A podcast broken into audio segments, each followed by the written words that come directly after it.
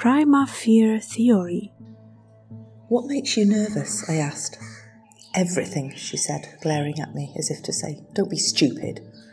Everything?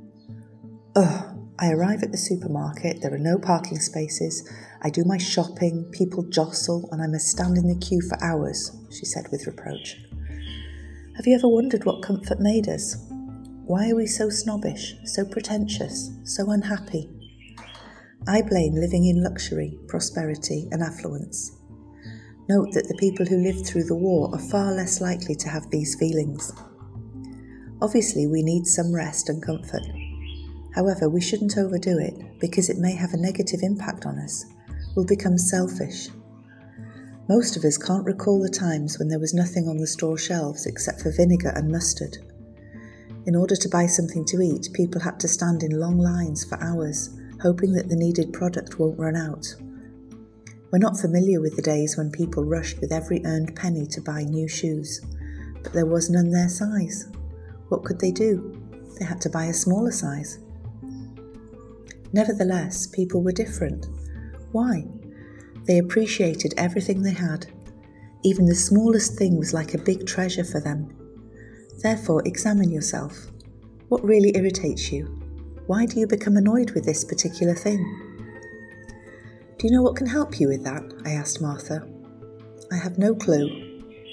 Try some experience. What kind of experience again? I call it counterposing.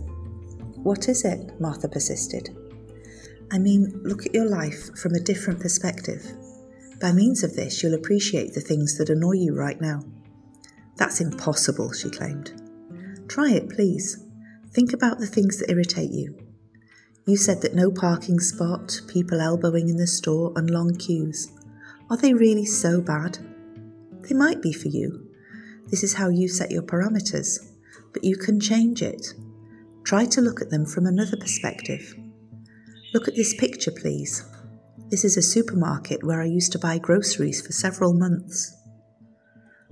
Oh, come on, how could you do that? she said, twisting her face. Well, people around the world do their shopping that way. What do you think? Would they complain if they had to shop at your supermarket? Would they complain if they had to stand a few minutes in the queue or to find the spot in the car park? I guess not, but it's their world, not mine, she raised her voice. No, it's our world, and people just like us. Do you understand?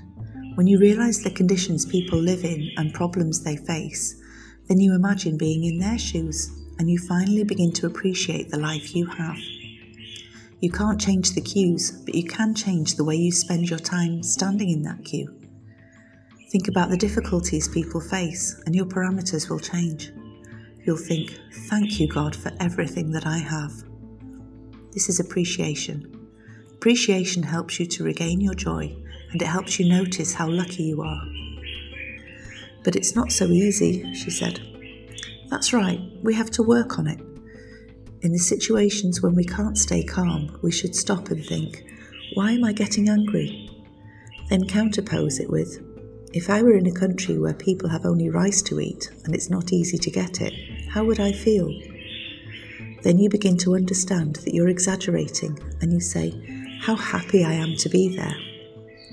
You replace negative emotions with gratitude. So many people today are focused on what they would want to buy or do instead of thinking about what they already have. This wrong perspective makes them feel unhappy and they often fall into depression. That's sad. Each one of us has enormous potential that we shouldn't hide nor neglect. Sometimes we need to discover it. It's often not easy, but it's always possible if we really want it. Then we have to find people who will appreciate it. This is the process, this is the road, but it's possible to pass. You have two eyes, two arms, two legs, so you have everything to be happy. And there comes counterposing again. What if I don't have them? Can I still be happy?